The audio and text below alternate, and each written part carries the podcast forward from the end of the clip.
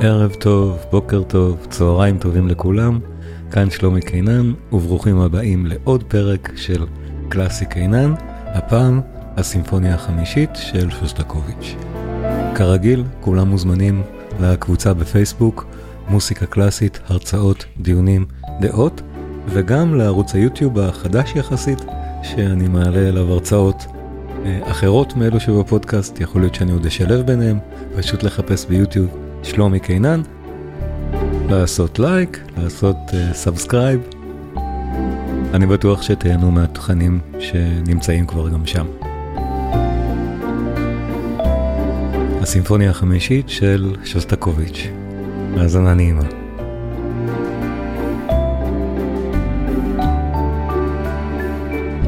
שוסטקוביץ', אני שוב מחייך כי הפגישה הקודמת הייתה באמת כל כך... Uh, עוררה באמת אה, דיבור, דיבור מעניין ורצון לדעת עוד, שאמרנו, טוב, נעשה, נעשה עוד, כי זה באמת מאוד מעניין. ואין דרך, אני חושב, באמת יותר אה, אולי אה, נוחה להיכנס לעומק למוזיקה של המאה ה-20. שוסטקוביץ', אני חושב, זה, זה מורה דרך מצוין להצליח להיכנס ל... לדבר הקצת קשה הזה בדרך כלל, שתזמורות הרבה פעמים נמנעות מלנגן אותו. כמו שראינו במפגש הקודם, כן, העשירית של שוסטקוביץ', יש לה את זה. יצירה שאפשר לאהוב, בטח. לא צריך יותר מדי להתנצל, זה מוזיקה מודרנית. פשוט עושים פליי, שמים ונהדר. תודה אורה, תודה. אה, כן, אז כן, הכל בסדר, אני באמת, באמת שמח מאוד להיות איתכם, ובטח של שוסטקוביץ'. אז החמישית, היא גם כזאת. החמישית של שסטקוביץ', אנחנו נדבר היום על שתי יצירות, החמישית והשביעית, שלשתיהן יש, יש גם אה, אספקט חוץ מוזיקלי מאוד מאוד בולט. בדיוק כמו העשירית, העשירית שראינו פעם, בפעם הקודמת, גם יצירה עם אספקט אה, פוליטי, לא יודע אם זו המילה אפילו, או אישי, פוליטי, של, של שוסטקוביץ'. אה, אז כאן גם, ביצירות האלה, גם לא תמיד המטרה היא פה תהיה דווקא סטלין, אבל בחמישית, כן. הרקע של החמישית, ומי שלא היה במפגש הקודם, אני רק אה, אזכיר מעט, הנקודה הייתה שסטלין אה, באיזשהו שלב דרך, מגפו של סטלין דרך על שוסטקוביץ', אחרי שהוא אה, הלחין אופרה בשם לדי מקבט ממחוז מצנסק, שסטלין לא אהב. קצת לפני האופרה, שוסטקוביץ', אני רוצה להראות היום כמה קטעים מסרטים דוקומנטריים מעולים שנעשים המון על שוסטקוביץ' עכשיו, בגלל היותו של המלחין, של המוזיקה ושל הנושא, כל כך מעניינים. אז קטע מאחד מהסרטים מראה את שוסטקוביץ' עצמו מנגן. בקריירה שלו בתור מלחין פסנתרן, שניגן גם בקונצרטים שלו יצירות של אחרים. אבל גם את היצירות של עצמו, שהוא הלחין נניח את הקונצ'רטו הראשון לפסנתר, קונצ'רטו מאוד וירטואוזי ומקסים, יצירת מופת, הקונצ'רטו הראשון לפסנתר של שוסטקוביץ', לפסנתר וחצוצרה, שווה לשמוע. אני אשמיע רק קטע קטן ממנו, בואו נראה את שוסטקוביץ' בעצמו מנגן, בגיל 25, חופשי ומאושר, לפני שסטלין שם אליו לב באופרה שנה אחר כך. בואו נראה את הקטע הזה, קטע נהדר, שוסטקוביץ' עצמו בקריירה של פסנתרן וירטואוז ומלחין. In 1933, Shostakovich completed his concerto for piano, trumpet, and strings. I think Shostakovich would never compose a piano concerto like concerto number one, especially these crazy cadences. Crazy. If it wasn't linked to his own story. עכשיו שימו לב כמה הומור מובע במוזיקה. באמת, כמה שוסטקוביץ' פה אה, יכול להיות מצחיק, ממש מצחיק. הוא צוחק פה על סרטים אילמים, על המוזיקה שהוא היה מלווה כפסנתרן לסרטים אילמים, שימו לב. We cannot ignore silent movie and its effect on his life and his musical life. Also the face of his musical compositions. It's there. You cannot take it out. The finale, of course, is maybe outshining everything what was done before. Crazily fast, full of big jumps, intervals. The left hand of pianist is again going completely crazy, close to unplayable. But again, Shostakovich challenged himself and he challenged pianists. ותכף מראים לנו את שוסטקוביץ' בעצמו מנגן. הוא צולם פשוט בקונצרטים, ברסיטיילים של עצמו. נהדר.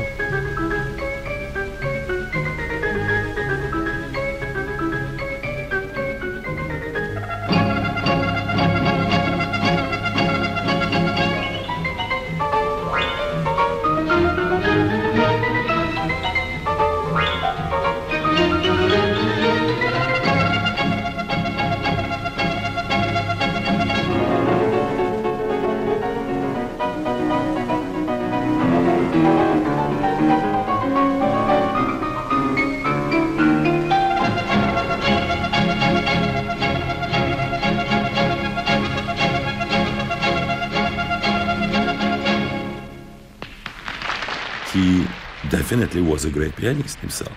הוא היה פסנתרן נהדר, מופיע נהדר, ופה באמת ב... בתחילת הקריירה זה כל כך מבטיח. ואז סטלין שם אליו לב באותה אופרה, ושוסטקוביץ' הזה נעלם.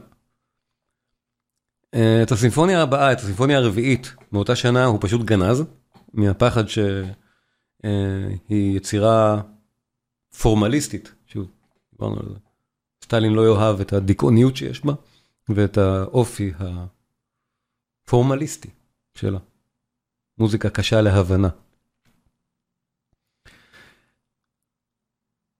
והסימפוניה החמישית הוצגה כהתנצלות של אומן סובייטי. אה, זה מה ששוסטקוביץ' אמר עליה. עכשיו, היא גם מולחנת כהתנצלות של אומן סובייטי. זו יצירה נהדרת, שאין לה כאילו בעיות מודרניסטיות מהסוג שיש לדברים מהסוג ששמענו עכשיו, שיכולים אולי לצחוק על משהו. אין פה, אין פה שום דבר שנראה ככה. אה, זו יצירה שסטלין באמת יכול לאהוב, הוא באמת אהב. אה, והחמישית היא מהיצירות הנפלאות של המאה ה-20, שהוצגה כהתנצלות של אומן סובייטי על ביקורת מפלגתית מוצדקת. על האופרה ליידי מקבט ממחוז מצנסק, שאותה כזכור סטלין לא אהב, כתב עליה ביקורת מחרידה בפראבדה, ושוסטקוביץ' כמעט הוגלה לגולאג. אז פה הוא מתנצל. בואו נשמע את ההתנצלות ונבין רגע מה שוסטקוביץ' בעצם אומר בסימפוניה החמישית, שיהיה התנצלות. קודם כל, הוא אומר, תיארתי כאן את מאבקו של אדם עד הסוף של ניצחון גדול. זה מין תיאור מלריאני של סימפוניות, של הסוף המתפוצץ הוא הניצחון הגדול אחרי שהאדם עובר את האיסורים עד הדרך עד הסוף. כל זה אליבי מצוין לתוכנית של סימפוניה בעיני סטיילין אם נרצה. אבל המוזיקה עצמה ודאי שגם אומרת את זה בלי, בלי, בלי בעיות מיוחדות. קודם כל המוטיב של הפרק הראשון, אוף, רגע. אין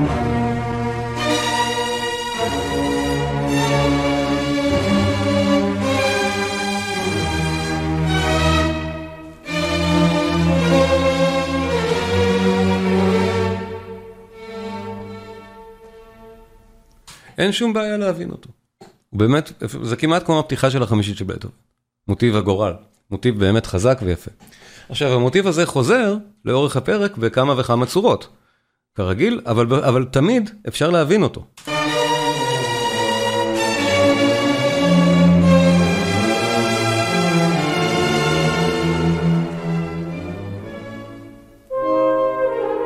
או כאן בדרך מעט שונה, אבל עדיין ניתן להבין בלי שום בעיה שזה אותו מוטיב.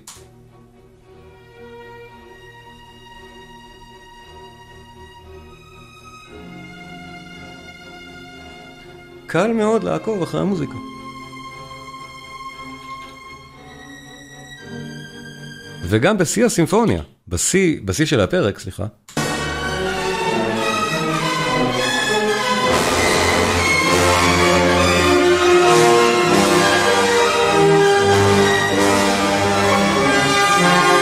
בתוך כל המסה הזאת, עדיין אפשר למצוא את אותו המוטיב. זה מאוד מקל על כל אוזן לעקוב באמת אחרי המוזיקה המורכבת יחסית, שוב, של המאה ה-20 של שוסטקוביץ'. אותו וריאציה על אותו מוטיב מופיעה גם לקראת הסוף, באווירה הנהדרת הזאת של הסיום.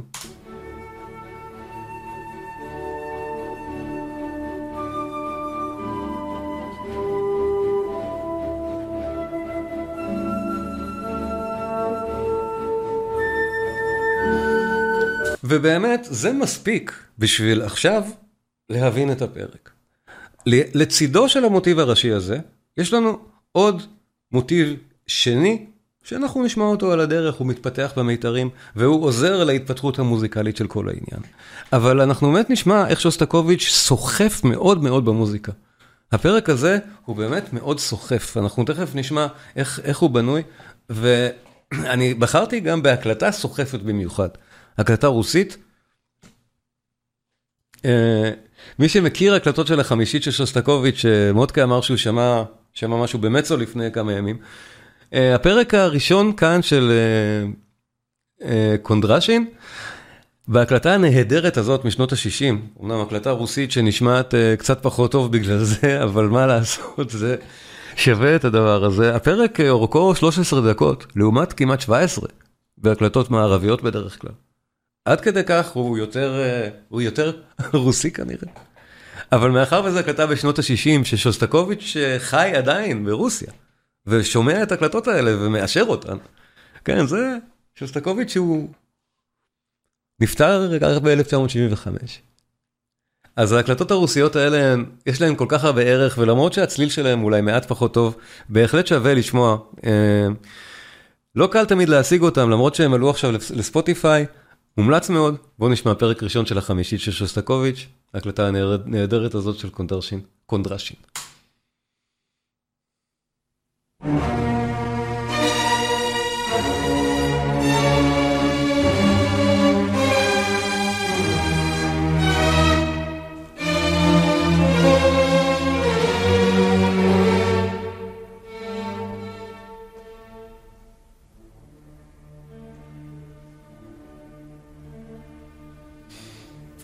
במרכז הקומפוזיציה של היצירה העמדתי אדם בפני כל הסבל העובר עליו.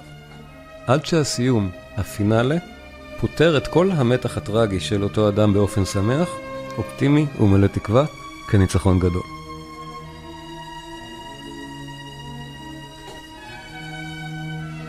אז אמרנו, יש סדרה של נושאים שמהווים את הנושא השני. כל מה שאנחנו שומעים עכשיו. אבל תכף אנחנו נחזור לנושא הראשון.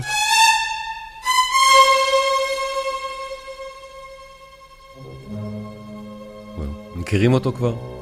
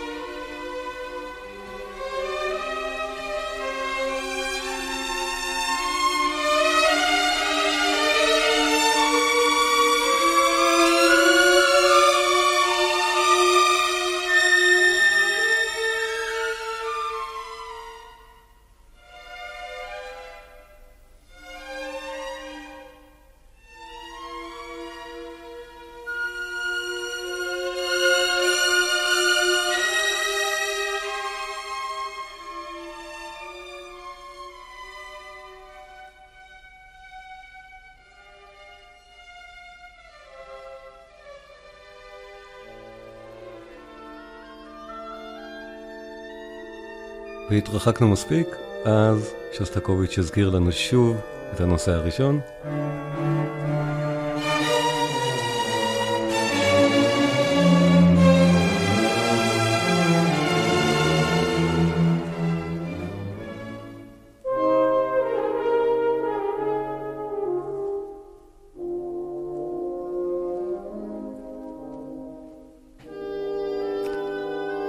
מירי, שאלה מצוינת. ההתנצלות היא כנראה באמירה שזו התנצלות.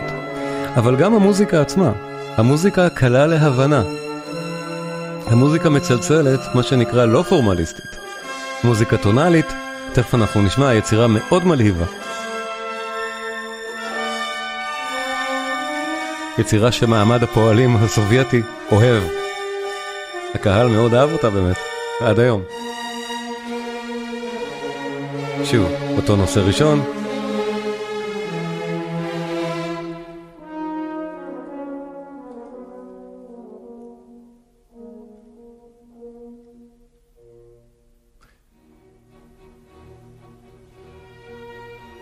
ווריאציה על הנושא הראשון. כמו שאנחנו רואים, שוסטקוביץ' מחלק את הפרק נהדר, ואנחנו סוף סוף מתחילים בתנועה.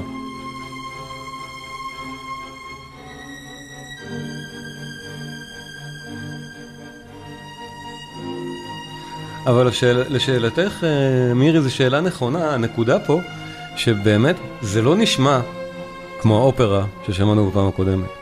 זו מוזיקה הרבה יותר נוחה לאוזן, נעימה, אפשר לשבת באולם קונצרטים ליהנות ממנה, באמת.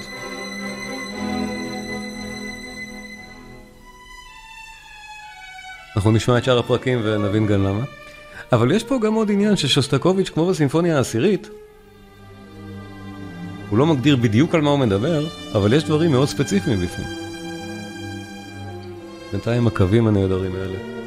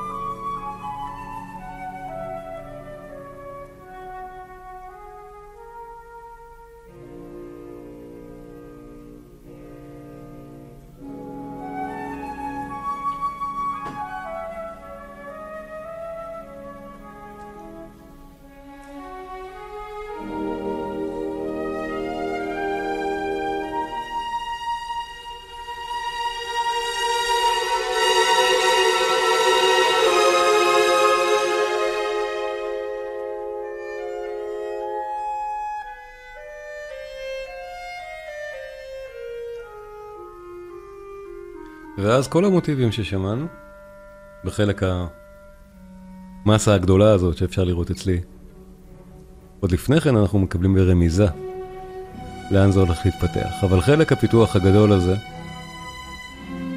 מפתח את הנושאים ששמענו עד עכשיו באופן מאוד מאוד גדול ובומבסטי עד המר שבאמצעו. אנחנו באמת בעומק הקומוניזם הסובייטי. אנחנו בעומקן של התהלוכות האלה, בתוך האווירה הזאת. בואו נזכור, שוסטקוביץ' הלחין את המוזיקה לתהלוכות תעמולה, סרטי תעמולה, כל הדברים האלה.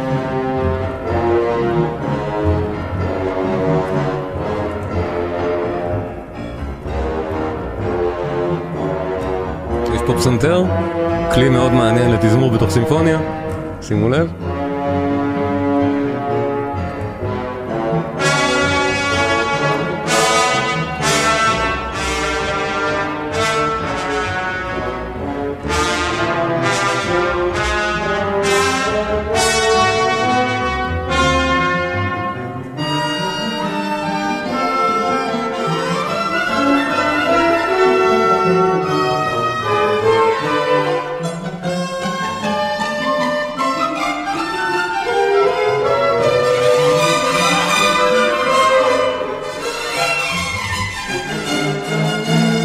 כן, האנרגיות האלה זה של ההקלטה הרוסית. זה ההקלטה של קונדרשין.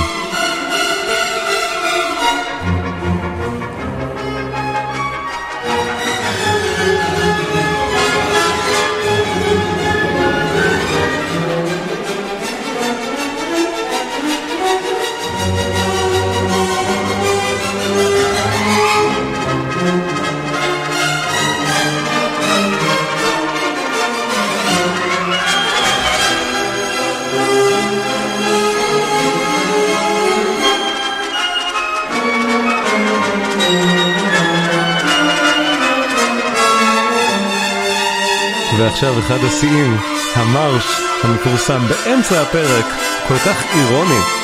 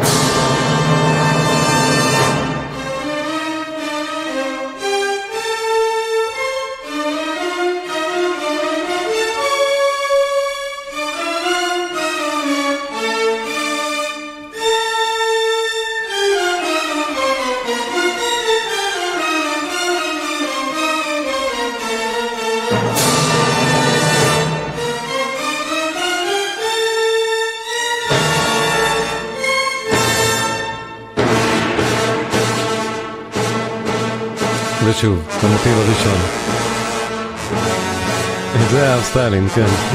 את זה סטלין מאוד אהב. או שלפחות ההתנצלות התקבלה. ועכשיו, אחרי זה, הסיום, באמת באווירה שלו, הוא הפוך לגמרי.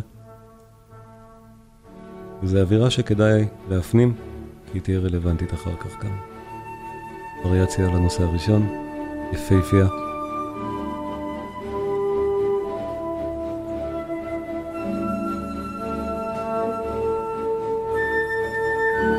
אוהבי מאלר מזהים פה את ההשפעות בכל פינה. זה יהיה עוד יותר בולט בפרק הבא.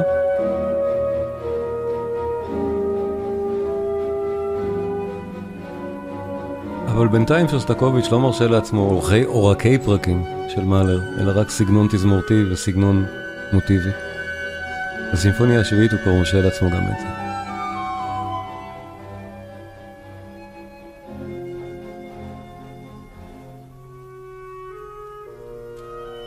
נושא שלישי, שמענו אותו לאורך הפרק. כל כך יפה כאן. אז זו הדרך במאלר גם, נשחק הרי עם המוטיבים שלו, שמענו את זה בכמה הרצאות על המלחין. יהיה גם קורס על מאלר בקרוב. אבל אה, שוסטקוביץ' מתקשר גם עם מאלר, כשהוא יודע שבשלב הזה, מאלר הוא מלחין שבאמת כמעט ולא מוכר. ויש יצירות בהן שוסטקוביץ' מצטט ישירות את מאלר. כשבקטעים של מאלר יש טקסט. זה לא המקרה כאן, אבל זה מאוד מעניין במקרים אחרים, כשאצל מאלר יש טקסט ושוסטקוביץ' מצטט את הלחן. כי תמיד אצל שוסטקוביץ' יש סאב-טקסט. גם בתזמור של החלק הקטן שאנחנו שומעים עכשיו, הסוף הנפלא של הפרק.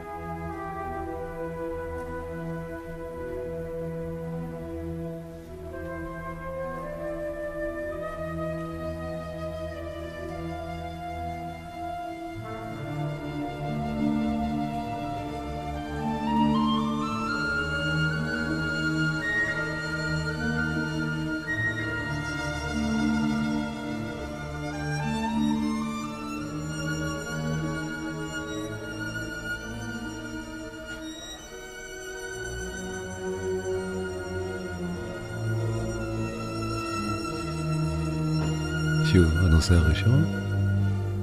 ותכף נשמע את הכלי הנגינה שנקרא צ'לסטה. גם כלי מאוד מעניין שמנגן בסוף את התווים האחרונים, שימו לב.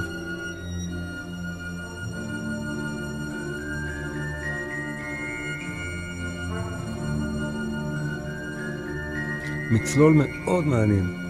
שוסטקוביץ' חוזר לכאן, למצלול הזה, ברגעים האחרונים של הסימפוניה האחרונה שלו. לכן אני מציין את זה כאן. שוב, בואו נשמע את המצלול המאוד מעניין הזה. מוזיקה שלו מהעולם הזה.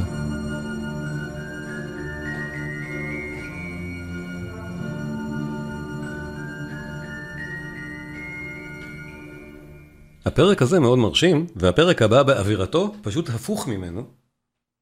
אללה מאלר. הוא גם מאוד דומה למאלר באיך שהוא נשמע, מין ואלס צולע, מאוד אירוני, ושוב, שוסטקוביץ' כאן משדר את המסר הכפול שלו. השמחה היא לא אמיתית. כלום לא אמיתי פה, הוואלס הוא צולע, זה מוזיקה של שיכורים. זה לא ריקוד בשלושה רבעים באמת. אה, זה בדיוק האירוניה המלריאנית. שני הפרקים האמצע, האמצעיים של, ה, של הסימפוניה הם מאוד מאלריאניים באופי הזה. אנחנו נשמע רק את זה, רק את הפרק השני מתוך, מתוכה. אוהבי מאלר חוגגים. נושא ראשון.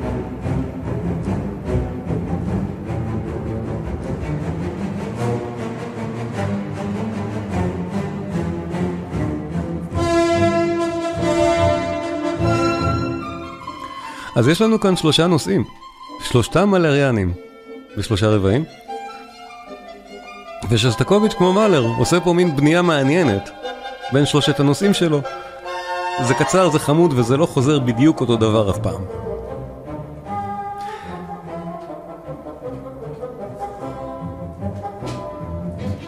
אבל זה באמת אחד הרגעים המדליקים של שוסטקוביץ'.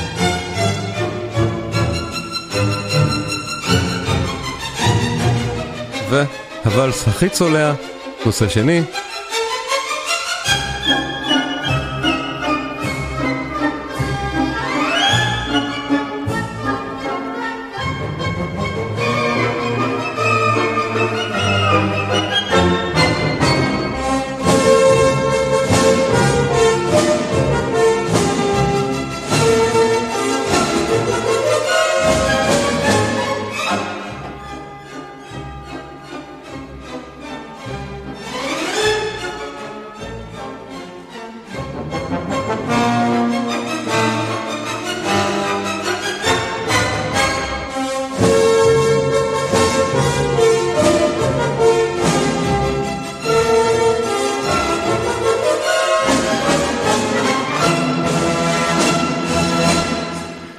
ונושא שלישי, ושוב בדיוק כמו אצל מאלר, לנדלר עם כינור צועני, או כינור עממי, פולקלוריסטי.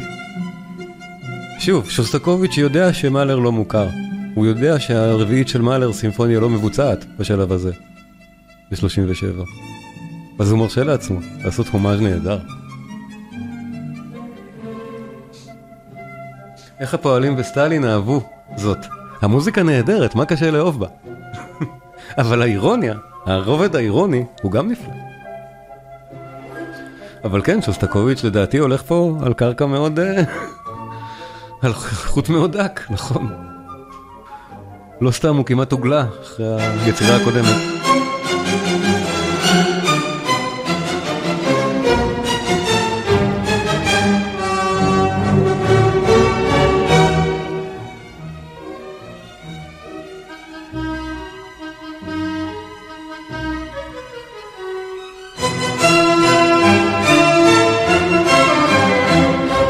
אבל הסימפוניה הזאת באמת פשוט מציגה מוזיקה נפלאה של מלחין נפלא, בלי שום קשר לכל הסיפור מסביב. הסיפור מסביב הוא מרתק, אבל הוא בכלל לא שייך לזה שהמוזיקה הזאת היא משהו.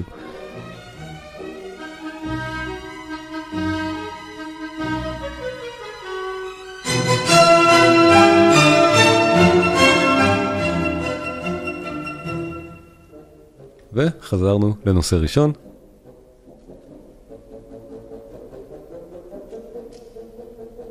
בדיוק כמו מעשה מאלר. הנושא הראשון מוצג אחרת ממה שהוצג בהתחלה. מתוזמר שונה. פיציקטו.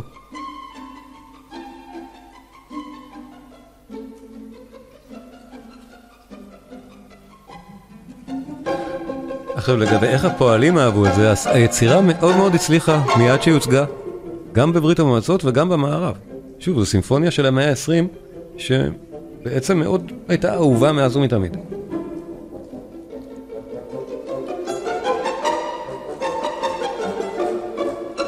הוקלטה גם יחסית הרבה. מכל היצירות של שוסטקוביץ', זו האחת שתמיד uh, הוערכה גבוה. נושא שני.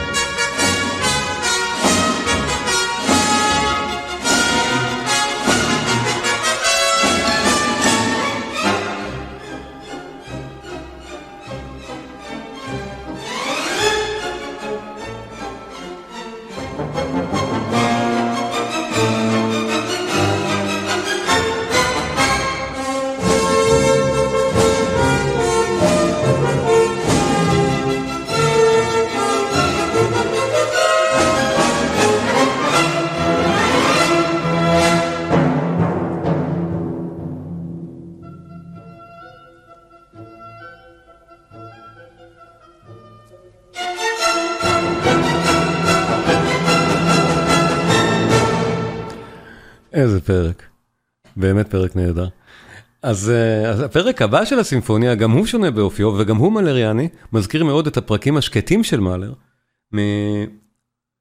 בכך שהמלודיה הארוכה והלא נגמרת שלו מזכירה באמת דברים כמו ששמענו אצל מאלר בסימפוניה השישית בפרק, ה...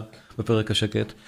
אבל אה, מקוצר זמן באמת, אני אשמיע רק, באמת, רק את פתיחתו על מנת שנוכל אה, להבין את האווירה.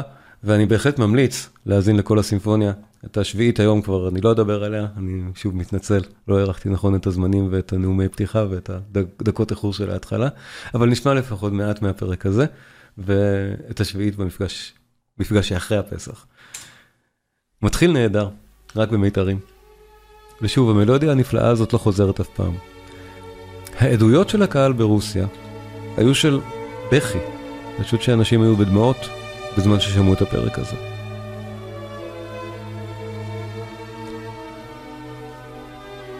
ששוסטקוביץ' הצליח להעביר את רגשותיהם.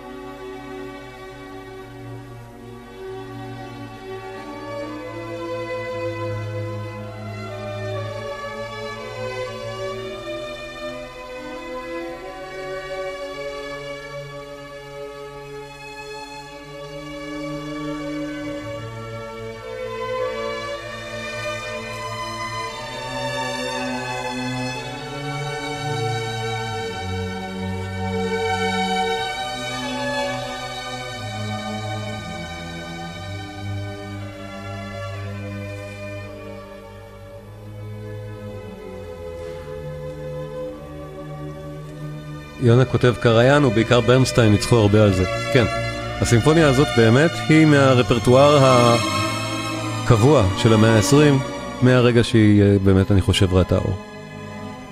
יצירה אחת של שוסטקוביץ', שתמיד הייתה אה, נחשבת מאוד, זו סימפוניה חמישית.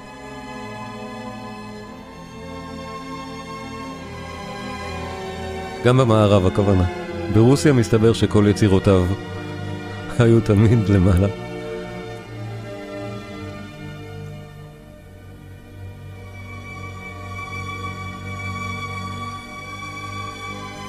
שוסטקוביץ' היה גאון של הבעה תזמורתית. הגוונים שהוא יודע לייצר הם נהדרים פשוט.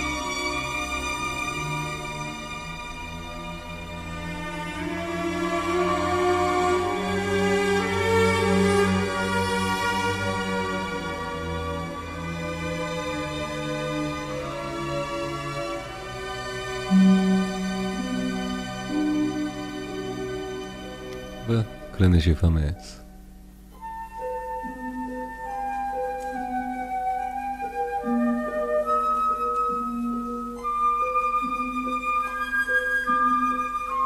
תודה שולמית.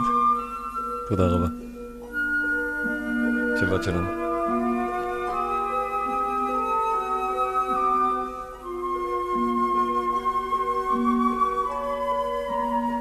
אז זה המצלול השוסטקוביצ'י הנפלא של הסימפוניה החמישית. ובאמת, אני ממליץ לכולם להאזין לפרק במלואו, פרק יפהפה. אבל אני רוצה לעבור לנקודה באמת מרכזית, כמו שמירי שאלה וכמה שאלו קודם. האמירה מחכה לפרק האחרון. עליו, עליו שוסטקוביץ' הרי דיבר כל הזמן. בפינאלה, הגיבור הטרגי נפטר. הפינאלה, אה, הסיום הפינאלה פותח, פותר את כל המתח הטרגי של אותו אדם באופן שמח, אופטימי ומלא תקווה, כניצחון גדול. עכשיו, קודם כל בואו נשמע, הסיום מתחיל ככה.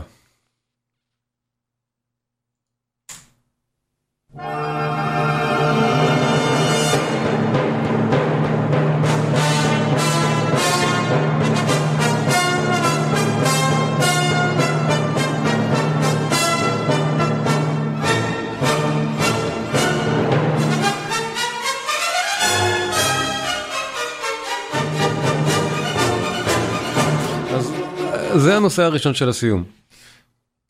אז אה, אם אנחנו אומרים ניצחון גדול, ניצחון גדול. אבל אם היינו אומרים, זה מתחיל כמו סרט מלחמה. ואז משמיעים את זה.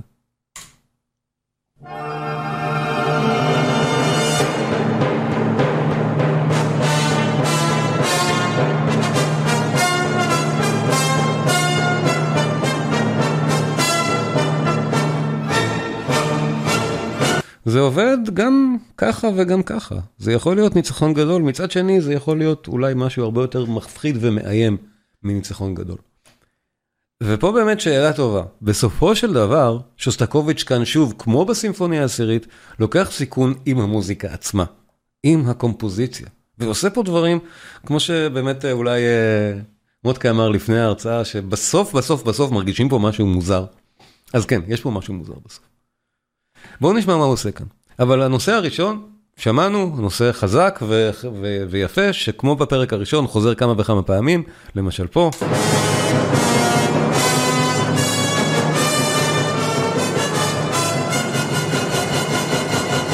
ובסוף הגדול הוא מתחיל את הכל עד השיא הגדול שמסיים את הסימפוניה.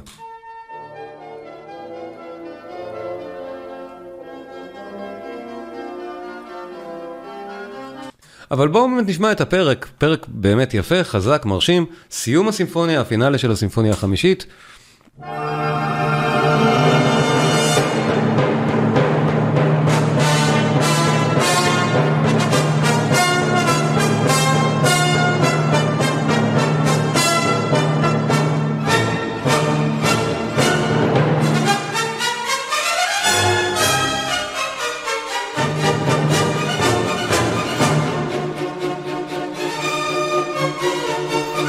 שוסטקוביץ' הוא כל כך קולנועי גם. הוא אחד מהאבות המייסדים של ז'אנר המוזיקה הקולנועית, בכך אין ספק. זה המלחין של 40 סרטים רוס-סובייטים, וכל כך השפיע על מוזיקה הוליוודית.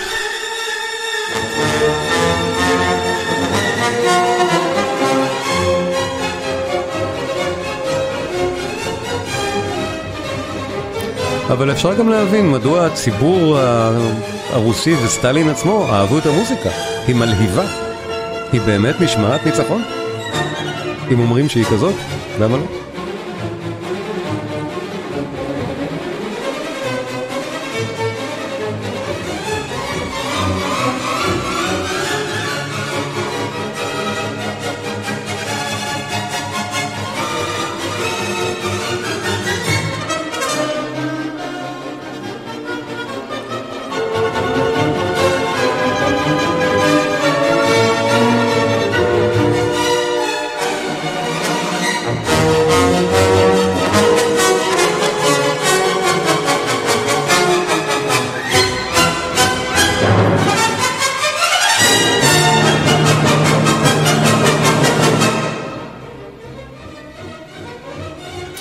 רוצה להמליץ על ההקלטות, על ההקלטה הזו שאנחנו שומעים.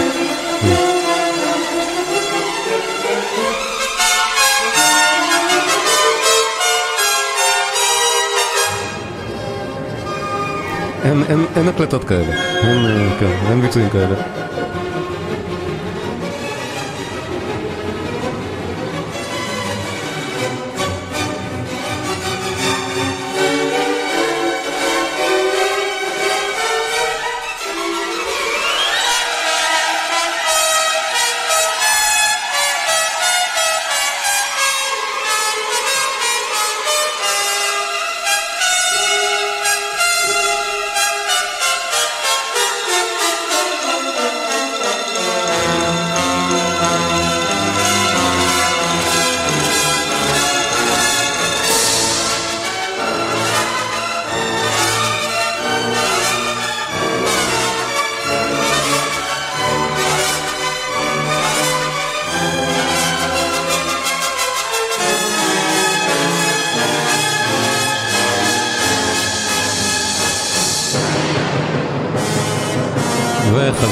לנושא הראשון.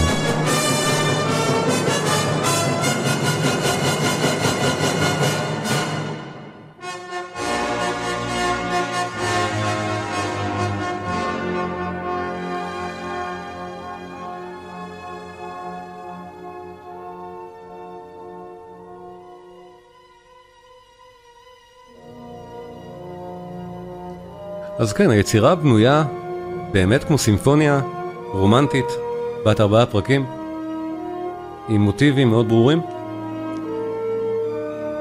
טונאלית, שמרנית, התנצלות של אומן סובייטי בעקבות ביקורת מפלגתית מוצדקת.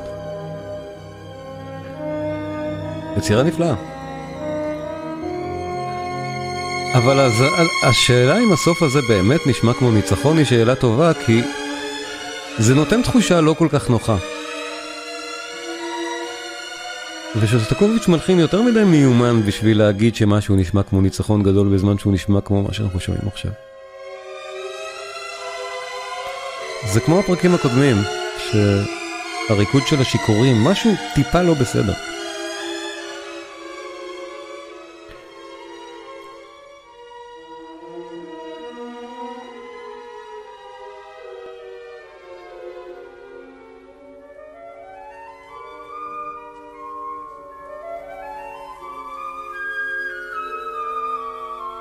שוב, האווירה הנהדרת ששמענו בסוף הסימפוניה, בסוף הפרק הראשון.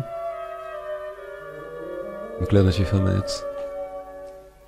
השקט שלפני הסערה והעלייה הגדולה של הסיום.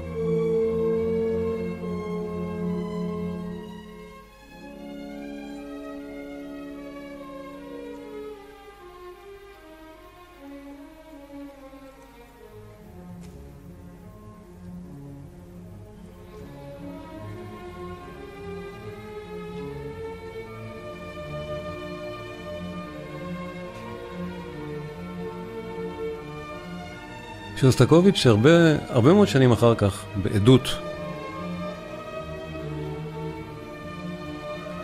כתב על הפרק הזה, ברור שהשמחה מאולצת, תוצר של איום וכפייה, כמו בבוריס גודונוב.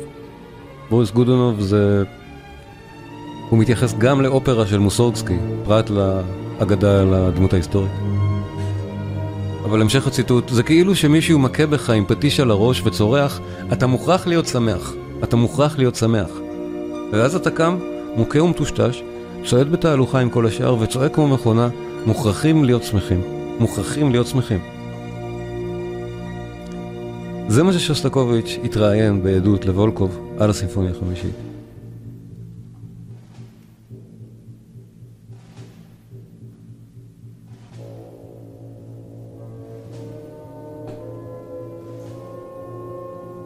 ועכשיו אנחנו באמת שומעים את החזרה לעלייה הגדולה של הסוף.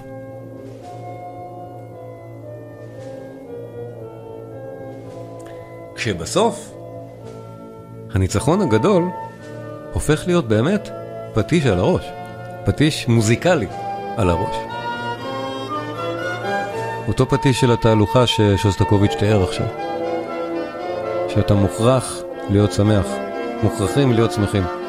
Your business is rejoicing באנגלית, ברוסית זה בטח יותר מצחיק. אבל כבר אפשר להבחין בחזרתיות. הדבר הזה.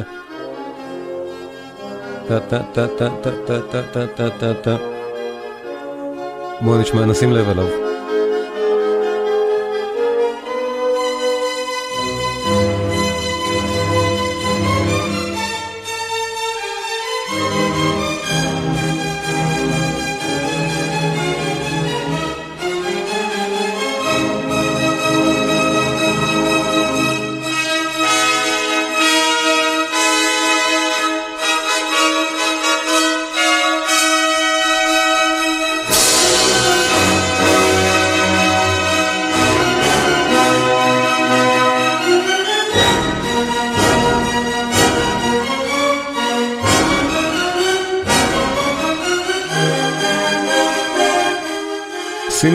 איפה שמסומן אצלי על המסך AAAA, התו לה ינוגן 250 פעם, אני אנגן כמה פעמים אותו בשביל שנבין על מה אני מדבר, 250 פעם ברצף, התו לה גבוה, זה הפטיש של הראש. לא עושים את זה במוזיקה, בשום מקום. 250 פעם התו לה, שימו לב.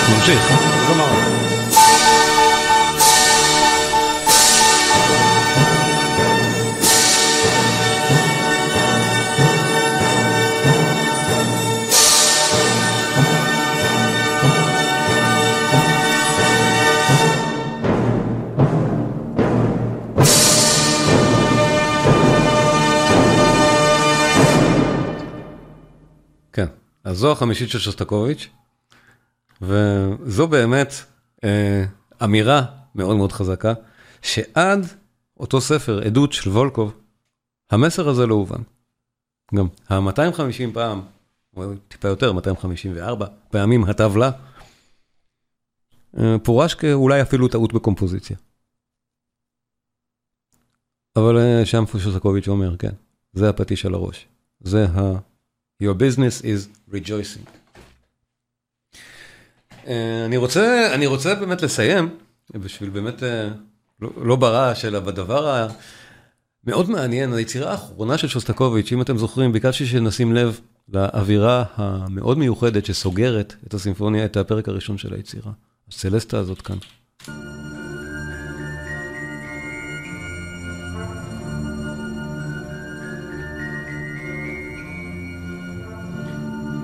ביצירה האחרונה שלו, שוסטקוביץ', הסימפוניה ה-15, כמה חודשים לפני מותו, אה, לא הסימפוניה האחרונה שלו, לא היצירה, רביעיות מיתרים, הוא הלחין אחר כך. אה, שוסטקוביץ' חוזר בצורה מאוד אניגמטית לחלק מהמצלולים וחלק מהקווים שיש גם כאן, גם בסימפוניה השביעית וגם ברביעית. אני רוצה, אני רוצה להראות לכם באמת, אה, מאותו, מאותו סרט דוקומנטרי, את גרגייב מנצח על הרגעים האחרונים של הסימפוניה ה-15. ופשוט הוא אומר, אני, אני באמת לא יודע מה שוסטקוביץ' רוצה להגיד. כבר כאן כבר יש יותר מדי, אבל אנחנו נזהה את המסלולים הנפלאים האלה, באמת, מתוך, אה, שעכשיו שמענו ב-15, ושיש גם ביצירות אחרות של שוסטקוביץ', וזה אחד מהאספקטים הנהדרים של ההאזנה למוזיקה של המלחין. בואו נמצא, נמצא את הרגע הנכון, את הסימפוניה ה-15, ואת גרגייב מתראיין אודותיה, לפני שהוא, לפני שהוא מנצח על, ה, על הסיום שלה. אה, רגע.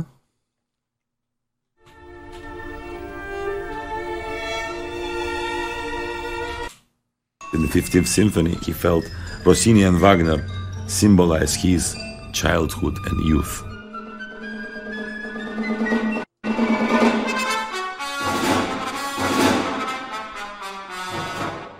doesn't have that many extremes. It has a very, very powerful climax before the end. Very powerful climax. The last symphonic big statement, and then he revisits the end of second movement of fourth symphony practically. וגם סוף של החמישית, וגם התחלה של השביעית.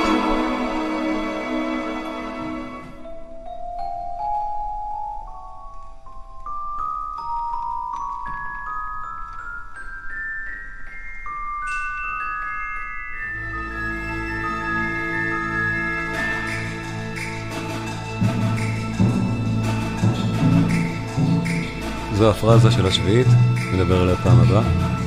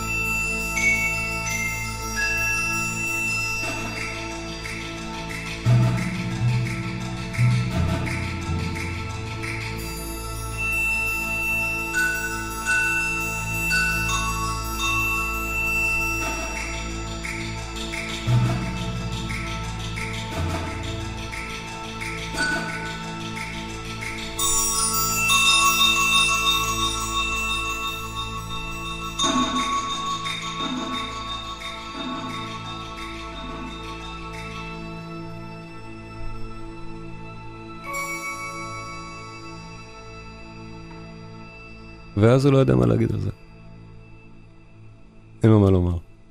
הסימפוניה האחרונה הגדולה כנראה של מישהו. האחרונה של שוסטקוביץ'. The last pages of 15th symphony is a miracle. It's, it's a, it's not only I'm not here, very soon I will depart.